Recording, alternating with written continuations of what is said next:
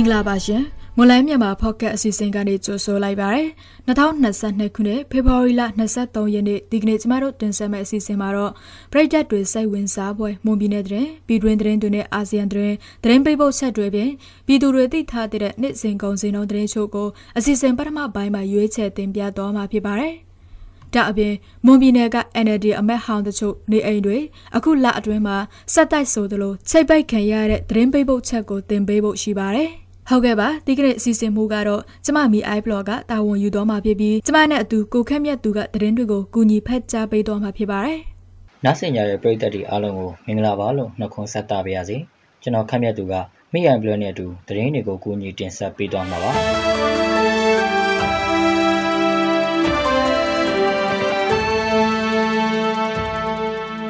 မွန်ပြည်နယ်တံပြူစဲမြို့နယ်ပငတ်ကျေးရွာရှိဘလောက်ဖုံးတော်ကြီးကျောင်းပင်မဆောင်မှာမင်းညကည9နာရီကျော်အချိန်ကမီးလောင်ကျွမ်းမှုဖြစ်ပေါ်ခဲ့ပါတယ်။ဘလောက်ဖုံးတော်ကြီးကျောင်းပင်မဆောင်အပေါ်ထက်ခေါင်းရင်းဘက်ချမ်းကမွေရတွေနဲ့အတောင်းဆောင်ပစ္စည်းတွေထားရှိတဲ့အခန်းမှာအတောင်းပြုဖို့တပ်ဆင်ထားတဲ့ဝါယာကျိုးရှော့ဖြစ်ပြီးမီးလောင်ခဲ့တာဖြစ်ပါတယ်။ မိလောင်မှုကိုတံပြူဆက်မြို့နယ်မိသက်ဦးစီးဌာနဦးစီးမှုဦးအောင်ကျော်ထွေးနဲ့မိသက်တပ်ဖွဲ့ဝင်တွေပရဟိတအရေးပေါ်လူမှုကူညီကယ်ဆယ်ရေးအဖွဲ့တွေနဲ့ဒေသခံပြည်သူတွေည၈နာရီခွဲလောက်မှမိထိန်နိုင်ခဲ့ပါတယ်။မိငိမ့်သက်ရင်နှစ်စီမိသက်ရေသက်ရနှစ်စီမိသက်အထောက်ကူပြုရနှစ်စီစီပင်သားရာဌာနကရေသက်ရနှစ်စီနဲ့ပုဂ္ဂလိကရေရင်၃စီ၃ပြီးဝိုင်းဝန်းငိမ့်တက်ခဲ့တာကြောင့်ည9နာရီဝန်းကျင်လောက်မှမိငိမ့်ခဲ့ပါတယ်။ရန်ကုန် ပဲခူးနဲ့မွန်ပြည်နယ်တို့မှာကျပ်သိန်း100ကျော်တန်ဖိုးရှိတဲ့တရားမဝင်ကျွန်းသစ်တင်မျိုးစုံနဲ့လူသုံးကုန်ပစ္စည်းတွေဖမ်းဆီးရမိထားကြောင်းတရားမဝင်ကုန်သွယ်မှုတိုက်ဖျက်ရေးဥဆောင်ကော်မတီကမနေ့ကရွက်စင်းနဲ့ထုတ်ပြန်ထားပါတယ်။ပြီးခဲ့တဲ့ရက်ကမွန်ပြည်နယ်မယန်းကြောင်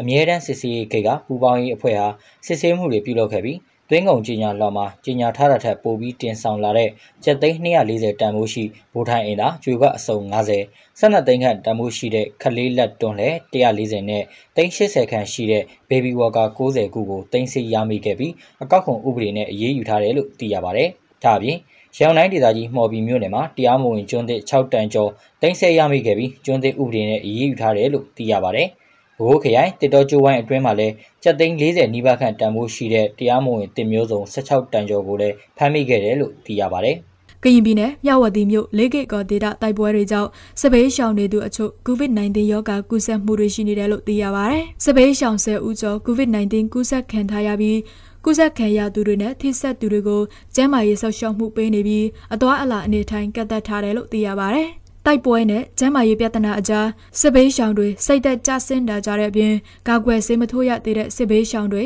စိတ်ထိုးဖို့နဲ့နောက်တစ်ကြိမ်ဆေးထိုးဖို့ကြံနေတဲ့သူတွေကိုလည်းကာကွယ်ဆေးဆက်လက်ထိုးနှံပေးဖို့စီစဉ်နေကြပါတယ်။လေကိကောဒေတာအတွင်းမှာပြီးခဲ့တဲ့ရက်ပိုင်းကတကြော့ပြန်တိုက်ပွဲများရှိနေပြီးအချိန်အခါမဟုတ်မိုးရွာသွန်းကဲလို့စစ်ဘေးရှောင်တွေဖျားနာနေကြတာဖြစ်ပါတယ်။ရှမ်းပြည်နယ်တောင်ပိုင်းမိုးပြဲမြို့အခြေဆိုင်အမှတ်422တရင်ကဒီမနက်၈နာရီဝန်းကျင်လောက်ကဖဲကုံမြို့နယ်ကဖုကျေးရွာဘက်ကို လက်နက်ကြီး6ချက်လှမ်းပစ်ရမှာအသက်82နှစ်အရွယ်ရှိဦးအန်ဂျေးလိုနဲ့အသက်14နှစ်အရွယ်မက်ကယ်ရိုမင်းတို့ထိခိုက်ဒဏ်ရာရခဲ့တယ်လို့ဒေသခံတွေကဆိုပါတယ်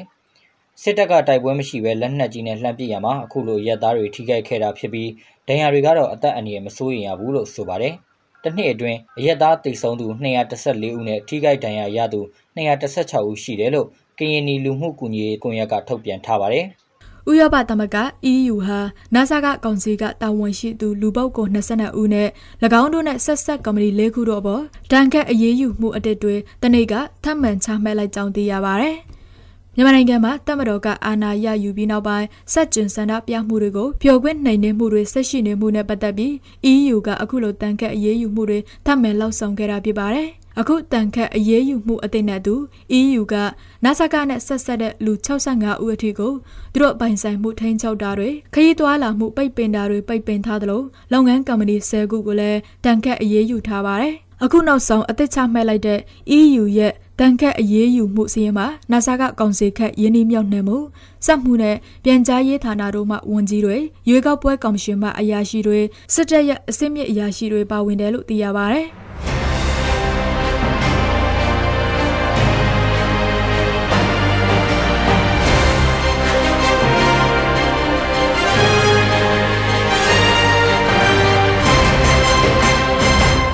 သူတွေသိထားတဲ့နှစ်စဉ်ကုန်စင်တုံသတင်းချို့ကိုမော်လမြိုင်ကောင်စီတိုင်းကအချက်လက်တွေကိုအခြေခံပြီးကျမကတင်ဆက်ပေးပါအောင်မယ်။ဒီကနေ့ထိုင်းနဲ့မြန်မာငွေလဲနှုန်းကတော့ထိုင်းဘတ်59တရမ93ညဝယ်ဈေးရှိပြီးတော့ရောင်းဈေးက60တရမ33ညရှိနေပါတယ်။ဒေါ်လာဈေးကတော့အမေရိကန်ဒေါ်လာကိုဝယ်ဈေးမြန်မာငွေ1989ကျပ်ရှိပြီးရောင်းဈေးကတော့1986ကျပ်ရှိပါတယ်။ ရွှေစင်းနှုန်းကမီလန်16ပဲရေတကြက်သားကို18သိန်း9400နဲ့15ပဲရေတကြက်သားကို18သိန်း6000ရှိနေပါတယ်။စက်တောင်းစီတွေကတော့ဒီဇယ်တလီတာကို1980ကျပ်အောက်တိုင်း92တလီတာကို1985ကျပ်နဲ့95တလီတာကို1880ကျပ်အထိရှိနေတာပါရာဘာဈေးနှုန်းမှာအကောင်ဆောင်ကတော့နေလန်းလော့တပေါင်ကို1190ကျပ်ရှိနေပါတယ် စံစင်းနှုန်းကတော့အကောင်စားပုံစံမွေးတောင်းတင်အိတ်ကြီးအလေးချိန်108ပေါင်ကို4000တောင်းထောင်ကျပ်အလလက်တန်စံမျိုးစားဘော်ကျွဲသစ်စံသား80ကို19500ကျပ်နဲ့အမထစံတွေကတော့စံသား80ကို26000နဲ့စံသား90ကို29500ကျပ်ရှိနေတာပါ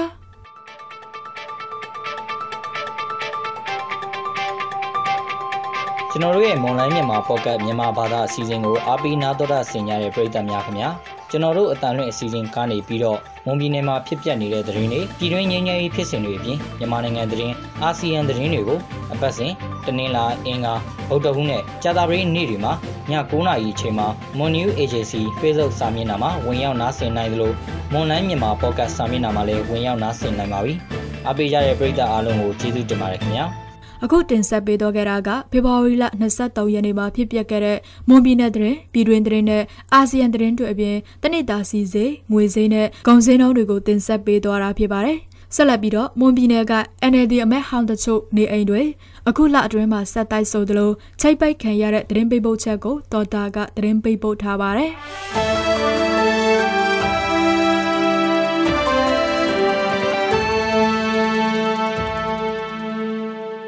ဟုတ်ကဲ့ပါမွန်ပြည်နယ်အမျိုးသားဒီမိုကရေစီဖွဲ့ချုပ် NLD ပါတီအမတ်ဟောင်းတချို့နဲ့ပါတီဝင်လုပ်ငန်းရှင်တွေရဲ့နေအိမ်နဲ့ဆိုင်တွေကိုလည်းအခုလအတွင်းဇက်တိုက်ဆိုသလိုချိတ်ပိတ်ခံရပါတယ်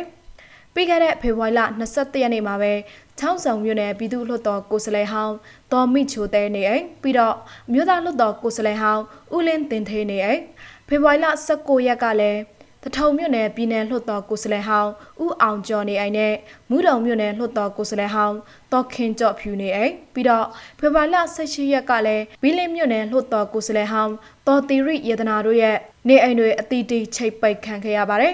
အခုလိုအိမ်တွေကိုချိတ်ပိတ်နေတာဟာမြို့သားဒီမိုကရေစီလှုပ်ရှားသူတွေကြားမှာအကြောက်တရားပေါ်လာဖို့လှုပ်ဆောင်နေတာဖြစ်တယ်လို့အမည်မဖော်လို့တဲ့လွှတ်တော်အမတ်ဟောင်းတူကအခုလိုပြောပါရယ် အိမ်ကတော့ချိတ်ပိတ်တယ်ဆိုတဲ့ဟာကမျောလင့်ထားပြီးသားဖြစ်တဲ့အတွက်ထူးခြားပြီးတော့မှကျွန်တော်တို့ဟိုအမှတုံ့လောက်တာခံစားတာမရှိပါဘူးအဓိကတော့ဒီတော်လိုင်းမှာပါဝင်နေကြတဲ့ဒီတယောက်ချင်းဒီတိုင်းကျမတို့တွေကိုယ်စားလှယ်တွေမဟုတ်ဘူးပေါ့နော်တော်လိုင်းမှာပါဝင်ကြတဲ့ဘလို့ခန်းကဏ္ဍကပါဝင်ဒီဖြစ်စီပါဝင်နေကြတဲ့သူတွေကိုဒါဟာစံနမူနာအနေနဲ့ဒီလိုလုပ်ရင်ဒီလိုဖြစ်မယ်ဆိုတဲ့ဟာမျိုးကိုကျန်တဲ့သူတွေကိုအကြောက်တရားသွင်းချင်တဲ့အတွက် လောက်တာလို့ကျွန်မဒီလိုပဲယူဆပါဒါအပြင်မြို့ခံလုပ်ငန်းရှင်နဲ့ NLD ပါတီဝင်များလည်းဖြစ်ကြတဲ့တထုံမြို့နယ်လက်အင်ရက်ကွက်မှဥစောကျော်မိုးပိုင်ဆိုင်တဲ့ Second Cafe Garden ဆိုင်ကြိုက်ကော်မြို့ကဥအောင်ကျော်ထွေးရဲ့နေအိမ်ဥစောမင်းထိုးနေအိမ်နဲ့ခြံတွေကိုလည်းဖေဖော်ဝါရီလ19ရက်နေ့ကချိတ်ပိတ်ခဲ့တယ်လို့ဒေတာခန်တွေထံကသိရပါဗျ။ ပြီးခဲ့တဲ့ဒီဇင်ဘာလအသေးမှာလဲပေါင်မြို့နယ်ပြည်နယ်လွှတ်တော်ကိုယ်စားလှယ်ဟောင်းဦးစောစောသူနေအိမ်နဲ့ကြိုက်ထုံမြို့နယ်ပြည်နယ်လွှတ်တော်ကိုယ်စားလှယ်ဟောင်းဒေါက်တာခင်ဆောင်ရဲ့နေအိမ်နဲ့စေခန့်မော်လမြိုင်မြို့မြိုင်သာယာရက်ကွက်ကလုပ်ငန်းရှင် NLD ပါတီဝင်9ဦးတို့ရဲ့နေအိမ်တွေနဲ့ရင်းမြို့နယ်အစင်ကျေးရွာက NLD ပါတီဝင်2ဦးတို့ရဲ့နေအိမ်တွေကိုပြီးခဲ့တဲ့အောက်တိုဘာလကတည်းကချိတ်ပိတ်ခဲ့တာဖြစ်ပါတယ်။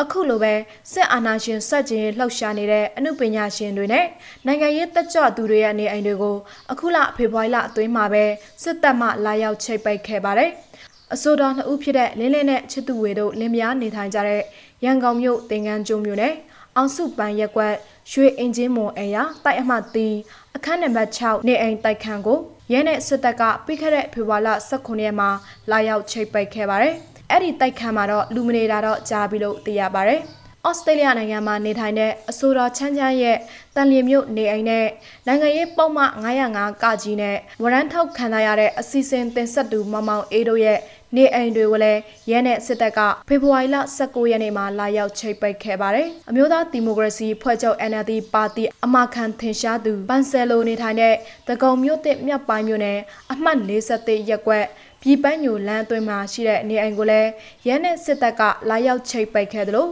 88မြို့ဆက်ရင်းချရေးနဲ့ပွင့်လင်းလူဖွဲ့စည်းကောင်းဆောင်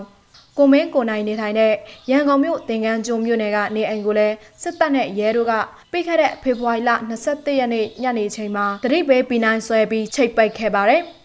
နိုင်ငံရေးပုံမှ905ကကြီးနဲ့ဝရမ်းထောက်ခံထားရတဲ့ဒရိုက်တာဝိုင်းကိုလည်းကျမ်းမာရေးမကောင်းလို့နေအိမ်ကိုခစ်တပြန်လဲနေထိုင်စဉ်ပြီးခဲ့တဲ့ဖေဖော်ဝါရီလ9ရက်နေ့မှာစစ်တပ်နဲ့ရဲတို့ကလာရောက်ဖမ်းဆီးခဲ့ပြီးနေအိမ်ကိုပါချိတ်ပိတ်သိမ်းဆည်းလိုက်တယ်လို့သတင်းတွေမှာတွေ့နေရပါတယ်။